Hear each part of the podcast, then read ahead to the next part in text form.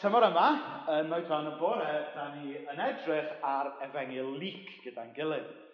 Um, mae yna bedwar llyfr yn y Beibl sy'n arbennig yn sôn am fywyd a gweinidogaeth a dysgeidiaeth Iesu. Mae'r Beibl i gyd, wrth gwrs, yn sôn am stori fawr Iesu, ond mae yna bedwar llyfr arbennig, sef Matthew, Mark, Luc a Ioan adeg yma o'r flwyddyn, da chi wrth i'n trio meddwl am anrhegion adolyg i bobl, a mae'n siŵr bydd lot ohonoch chi yn prynu llyfrau. A rhai o'r llyfrau fwy fwyaf poblogaidd ydy llyfrau sy'n sôn am hanes bywyd pobl. Yma chi rai enghreifftiau, llyfr Tom Jones, mae'n debyg, Graham Norton, falle, mae'n na, dant na, dan, mae ohonoch chi. Na, o na. Um, ond ta beth, mae'r ma llyfrau fel hyn yn boblogaidd achos bod ni'n bobl fusneslyd. da ni eisiau gwybod rhywbeth am fywydau pobl yma. Yn arbennig, da ni eisiau dod i adnabod y person tu ôl y celebrity fel bethau. Tymor yma, dwi'n dwi, dwi ceisio helpu ni i wneud rhywun peth yn y fengil lyc wrth ddod i adnabod Iesu. Mae Iesu yn rhywbeth o ffigwr hanesyddol Mae pawb yn meddwl bod nhw'n gwybod rhywbeth amdano fe. A ni falle meddwl bod ni'n gwybod popeth am Iesu. Ond dwi jyst yn yn gwahodd ni tymor yma i edrych ar efengyl Luc yn newydd ac yn ffres a gofyn i ddew ddangos agweddau o gymeriad, agweddau o ras, cariad a, a dysgeidiaeth Iesu i ni yn newydd. Achos mae wastad rhwb mwy gallwn ni ddysgu am Iesu. Mae wastad mwy gallwn ni brofi am ei ras a'i gariad. E. Felly dyna i ni yn trio wneud gyda'n gilydd tymor yma. Hyd yma, da ni wedi edrych ar Iwan Fedyddiwr yn paratoi y ffordd i Iesu. Da ni wedi edrych ar Iesu hun yn paratoi hun ar gyfer i weinidogaeth e drwy gael ei fydyddio a drwy fynd i'r anialwch. Wedyn, pethefnos yn ôl, wnaethon ni edrych ar Iesu yn dechrau i weinidogaeth gyhoeddus yn Nazareth. Ac oedd e'n dweud bod e'n cyflawni be oedd y proffwydi wedi bod yn dweud amdano fe. Y bydde yna un yn dod, bydde yna e, flwyddyn ffafr yr arglwydd yn dod, a bydde yna fyseia'n dod. A basically, be oedd e'n dweud oedd, mae fe oedd y myseia. Oedd wedi dod â newyddion da i'r tlawd, newyddion da i'r gorthromedig, newyddion da i bawb oedd yn disgwyl ymlaen i'r Meseia a popeth oedd y Meseia yn ei gynnig.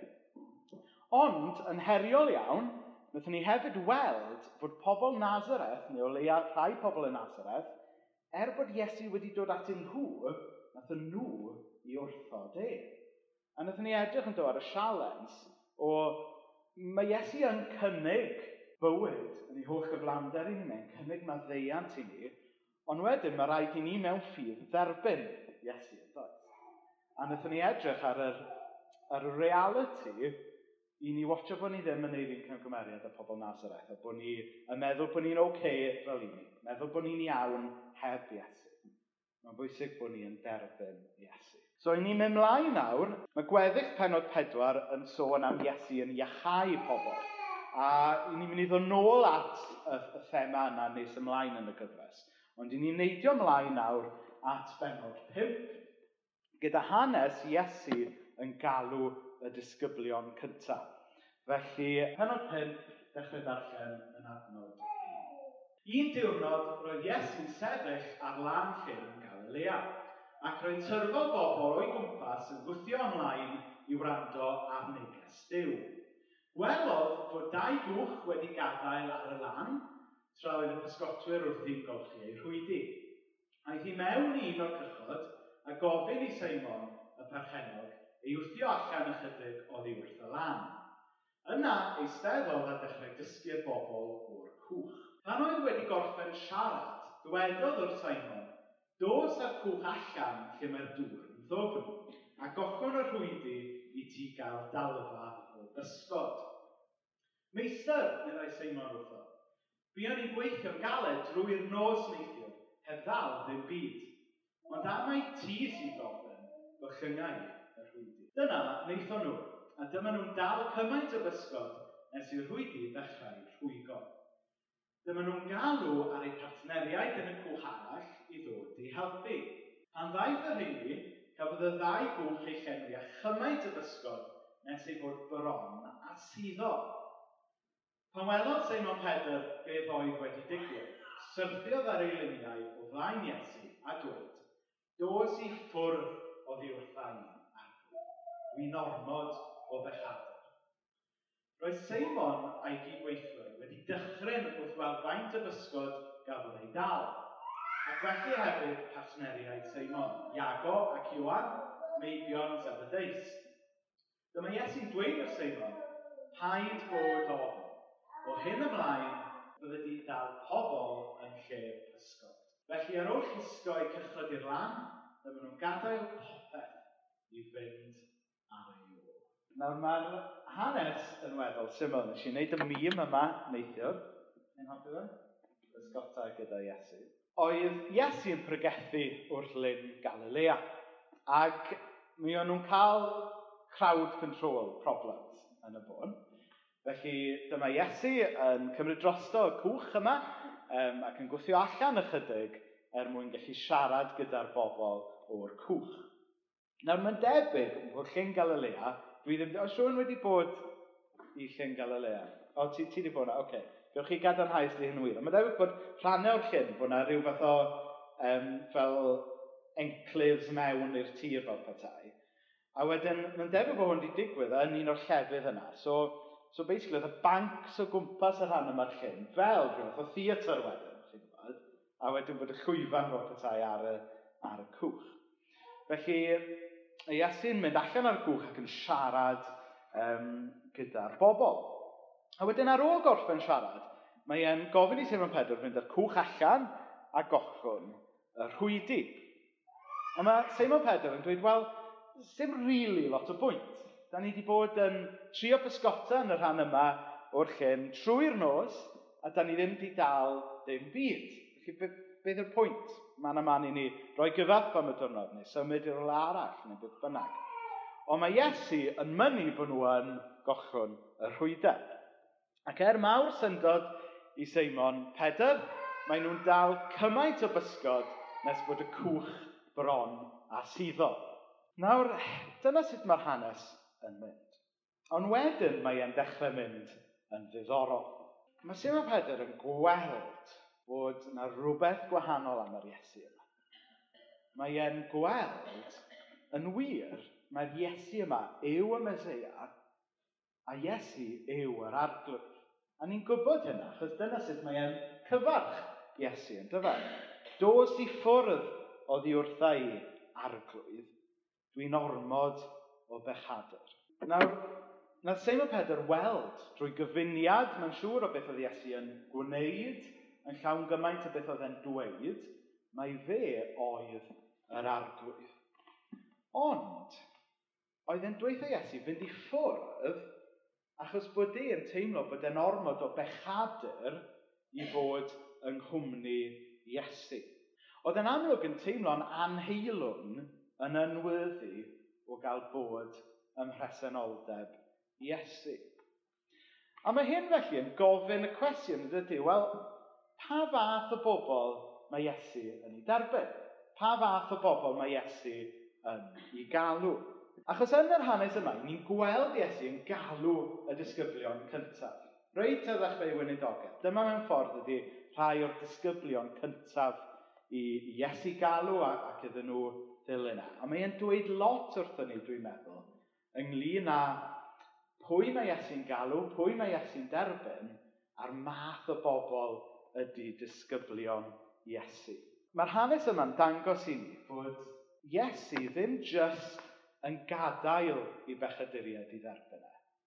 Mae actually yn galw ar bechaduriaid i'w dderbyn e. Mewn geiriau eraill, mae Iesu yn galw ar bobl fel chi a fi i fod yn ddisgyblion iddo fe. Mae yna rhyw syniad allan yna, does? Seimon Pedr yn amlwg yn ei gredu, i ni fel Cymru Cymraeg yn anghywir yn ei credu fe hefyd. Yn meddwl bod rhaid i chi sortio'ch bywyd allan cyn troi at Iesu. Neu meddwl bod rhaid i chi fod yn berson squeaky clean cyn y gallwch chi droi at Iesu. O na, mae Iesu yn derbyn ni fel ydan. A mae Iesu yn galw ni i droi ato fe just fel i ni. Nawr, pan mae'r Beibl yn siarad am bechaduriaid, pan i ni'n meddwl am pechaduriaid a pechod, da ni falle meddwl am y pechodau mawr, dramatic, cyhoeddus fel petai, tybod? Fel llofruddion, lladron, pethau mawr fel yna. Ond pan mae'r Beibl yn siarad am bechodau, mae e'n siarad mewn gwirionedd ynglyn a'r felltith yma, cyrs yma sydd wedi syrthio ar ddynoliaeth i gyd. Chos da ni gyd yn gwybod dydyn, bod, bod rhywbeth sylfaenol wedi mynd yn anghywir gyda'r byd. Ni'n darllen y ddechrau'r Beibl bod Dyw wedi creu byd prydferth a byd perffaith. Ond i ni hefyd yn gwybod mae nid fel na mae nawr. Da ni'n byw mewn byd le mae yna poen. Da ni'n byw mewn byd le mae yna dywychwch. Le mae pethau'n mynd yn wrong a mae'r pethau yna sy'n mynd yn wrong yn aml yn mynd yn wrong yn y bywyd ni oherwydd bod yna rhywbeth rong yn yn calon ni. A mae yna awdur um, Francis Spufford, yna fel chi'n ynganu fe, Martin ar dynnu sylw fi eto, sy'n trio esbonio beth ydy pechod, a, a mae hwn yn rhyw esboniad lle da. It refers to something much more like the human tendency the human propensity to muck up. A nid muck up oedd y gair oedd yn y llyfr gyda fe. or let's add one more word. The human propensity to muck things up. Because what we're talking about here is not just our tendency to lurch and stumble and screw up by accident, our passive role as agents of entropy. Don't know beth meddwl. It's our active inclination to break stuff. Stuff here, including moods, promises, relationships we care about, and our own well being and other people's, as well as material objects whose high gloss positively seems to invite a big fat scratch. a mae hwnna'n rhyw esboniad modern da o beth ydy pechod yn dydy. Ydy ma pechod yn yn dangos i mewn pethau specific i ni, falle wneud yn anghywir.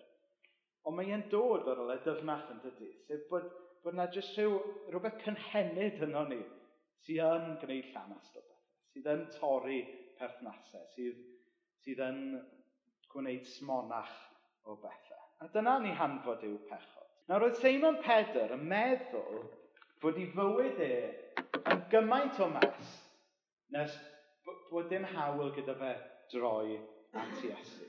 Ond yn yr un ffordd, a da ni falle'n gwneud llanas yn yn bywyd ni, mae neges Iesu'n golygu fod croeso i bobl fel Seimon Pedr a bobl fel ni ddod at Iesu.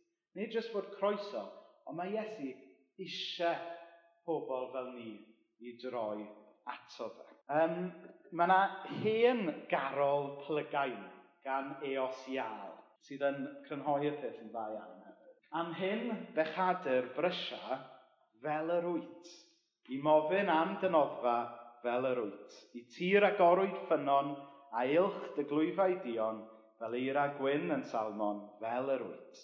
Gan hynny, tyrd yn brydlon fel yr wyt. A mae hwnna'n hen, hen, hen garol Gymraeg sydd yn hyfryd yn dydy. Mae e'n mae dweud bod gwahoddiad i Seimon Pedr a gwahoddiad i bob un ohono ni dod at Iesu just fel yma. Da ni'n gallu dod ato fe yn llawn o'n clwyfau er mwyn cael yn iachau. Da ni'n gallu dod ato fe yn llawn o'n beiau er mwyn cael maddeuad. Da ni'n gallu dod ato fe yn llawn o'n pechod i gael yn trwsio. Ac y Seiman Pedr angen deall hynny. A da ni hefyd angen clywed hynny hefyd. Er fod Seimon Pedr yn teimlo'n anheilwn, yn yr un ffordd a dan ni falle yn teimlo'n anheilwn, mae Iesu yn galw ac yn derbyn pobl fel ni. Nawr mae Iesu mynd mlaen i ddweud wrth Seimon Pedr wedyn, paid bod ofn, o hyn ymlaen, bydde di'n dal pobl yn lle pysgod. Fi'n hoffi'r cyfeithiad nawr, Biblodet. Pobl yn lle pysgod.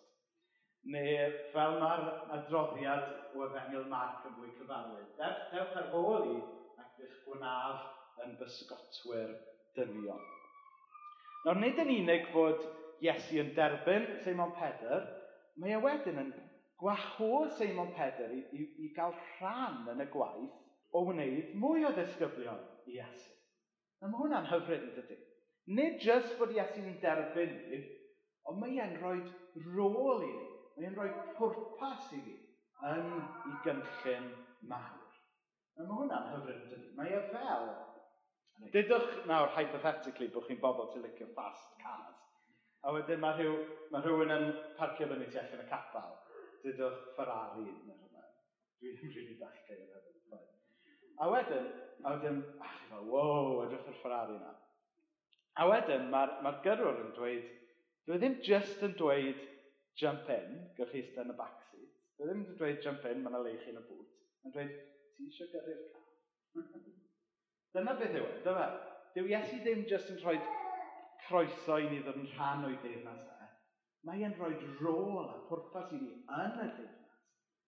Dyw e ddim jyst yn gadael i ni fod yn disgyblion iddo fe, ond mae e'n gwahodd ni i ymuno gyda fe yn y gwaith o wneud mwy o ddisgyblion.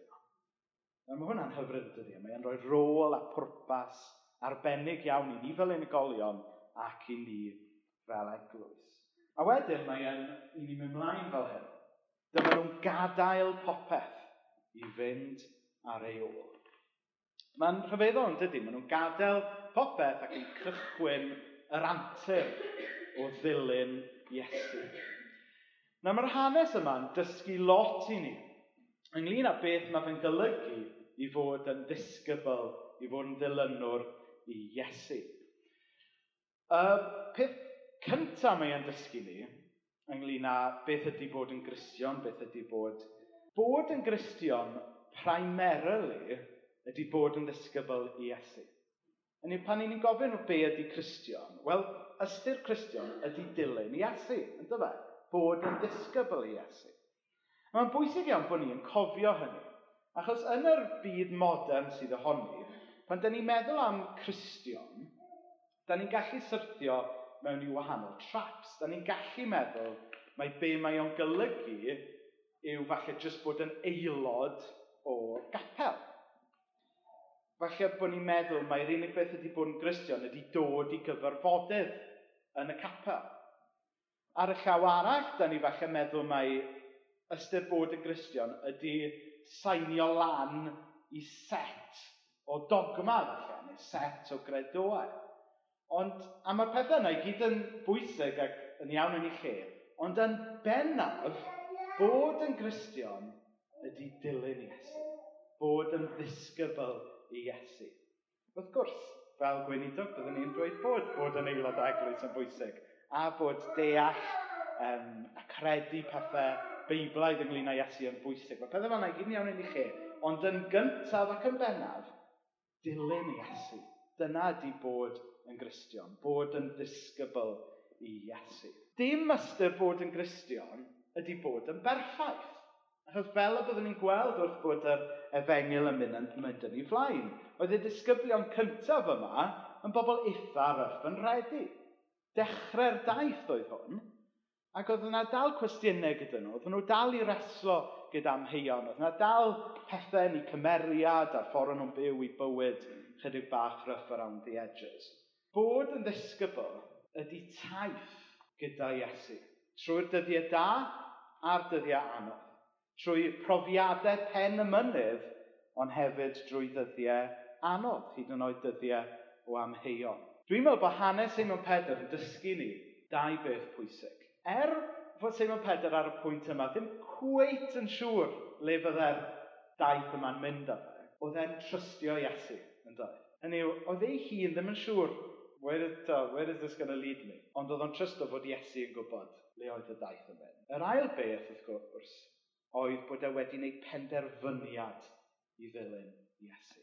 So beth yw oblygiadau yr hanes yma i ni? Os nad ydym ni yn siŵr eto os ydym ni yn grisnogion, yna mae hanes Seimon Pedr yn dysgu mae'r unig beth sydd angen i ddechrau y daith yma i fod yn Gristion ydy ffydd syml yn Iesu. A gwneud y penderfyniad i roed ffydd syml yn Iesu. Does dim rhaid i ni sortio'n bywyd allan cyn troi at Iesu, achos troi at Iesu ydy dechrau'r broses o sortio yn bywyd allan fel y byddwn ni'n gweld nes ymlaen yn yr efengil, oedd Simon Pedr fel pawb arall dal i reslo gyda rhai cwestiynau, dal i reslo gyda rai amheuon. Ond os, os yna rhywun yma bor mae eisiau cychwyn y daith o ddilyn Iesu, yna dim un diwrnod yn well na heddiw i wneud hynny. Ac os ych chi eisiau siarad gyda fi neu siarad gyda rhywun arall ynglyn a be mae'n golygu i roed eich ffydd yn Iesu a cychwyn y daith yma, dewch i siarad gyda fi ar y diwedd. Hefyd, mis Ionawr, i ni'n cychwyn y cwrs alfa. Mae cwrs alfa yn, yn gyfle arbennig o dda, jyst i, i bobl sydd ar y groesffordd yna, falle. Sydd falle mewn lle tebyg i Seimon Pedr, sydd falle wedi gweld Iesu, ond ddim yn teimlo bod chi'n gallu cymryd y cam yna eto i, i fod yn ddisgybl i Iesu. Wel, mae'r cwrs alfa yn gyfle da i, i drafod rhai o'r cwestiynau yna. Ond y neges bore yma yw yr unig beth sydd angen ydy ffydd syml yn Iesu. Ac i chi jyst dod fel i chi. Peidiwch meddwl bod rhaid chi roi beth ti mewn trefn cyn dod at Iesu. Ond wedyn, sut i ni'n gyffredinol fel eglwys yn ymateb i'r hanes yma? Wel, y prif beth fi meddwl sy'n codi fan yna yn heri ni fel eglwys yw bod y ffydd grisnogol yn bennaf ynglyn â gwneud disgyblion. Dyma yw gwaith yr eglwys yn y byd ydy gwneud disgyblion. Comisiwn mawr Iesu oedd nid seinio'ch pobl an i fod yn aelodau o'r eglwys, nid newch yn siŵr fod pawb yn dysgu rhodd mam ar ei ffwrdd, nid newch yn siŵr bod pawb yn gwybod 5 pwynt Calfen. Er bod y pethau yna i gyd yn iawn yn ei lle, y comisiwn mawr oedd i wneud disgyblion.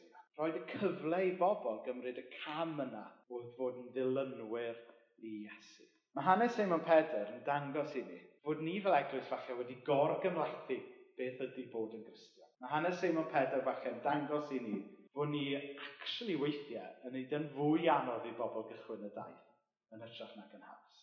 Oedd Simon Pedr ddim cweit yn deall cyfan ac oedd yn teimlo'n anheilwr, ond fe nath ar penderfyniad yna i ddilyn Iesu. Yng ngweddi i, yw pobl pob un ohono ni'n gwneud y penderfyniad yna. Angweddi i hefyd yw bod ni fel eglwys yn hwyluso y cyfle i bobl eraill yng Nghernarfon a tu hwnt i gymryd y cam yna i fod yn dilynwr i Iesu.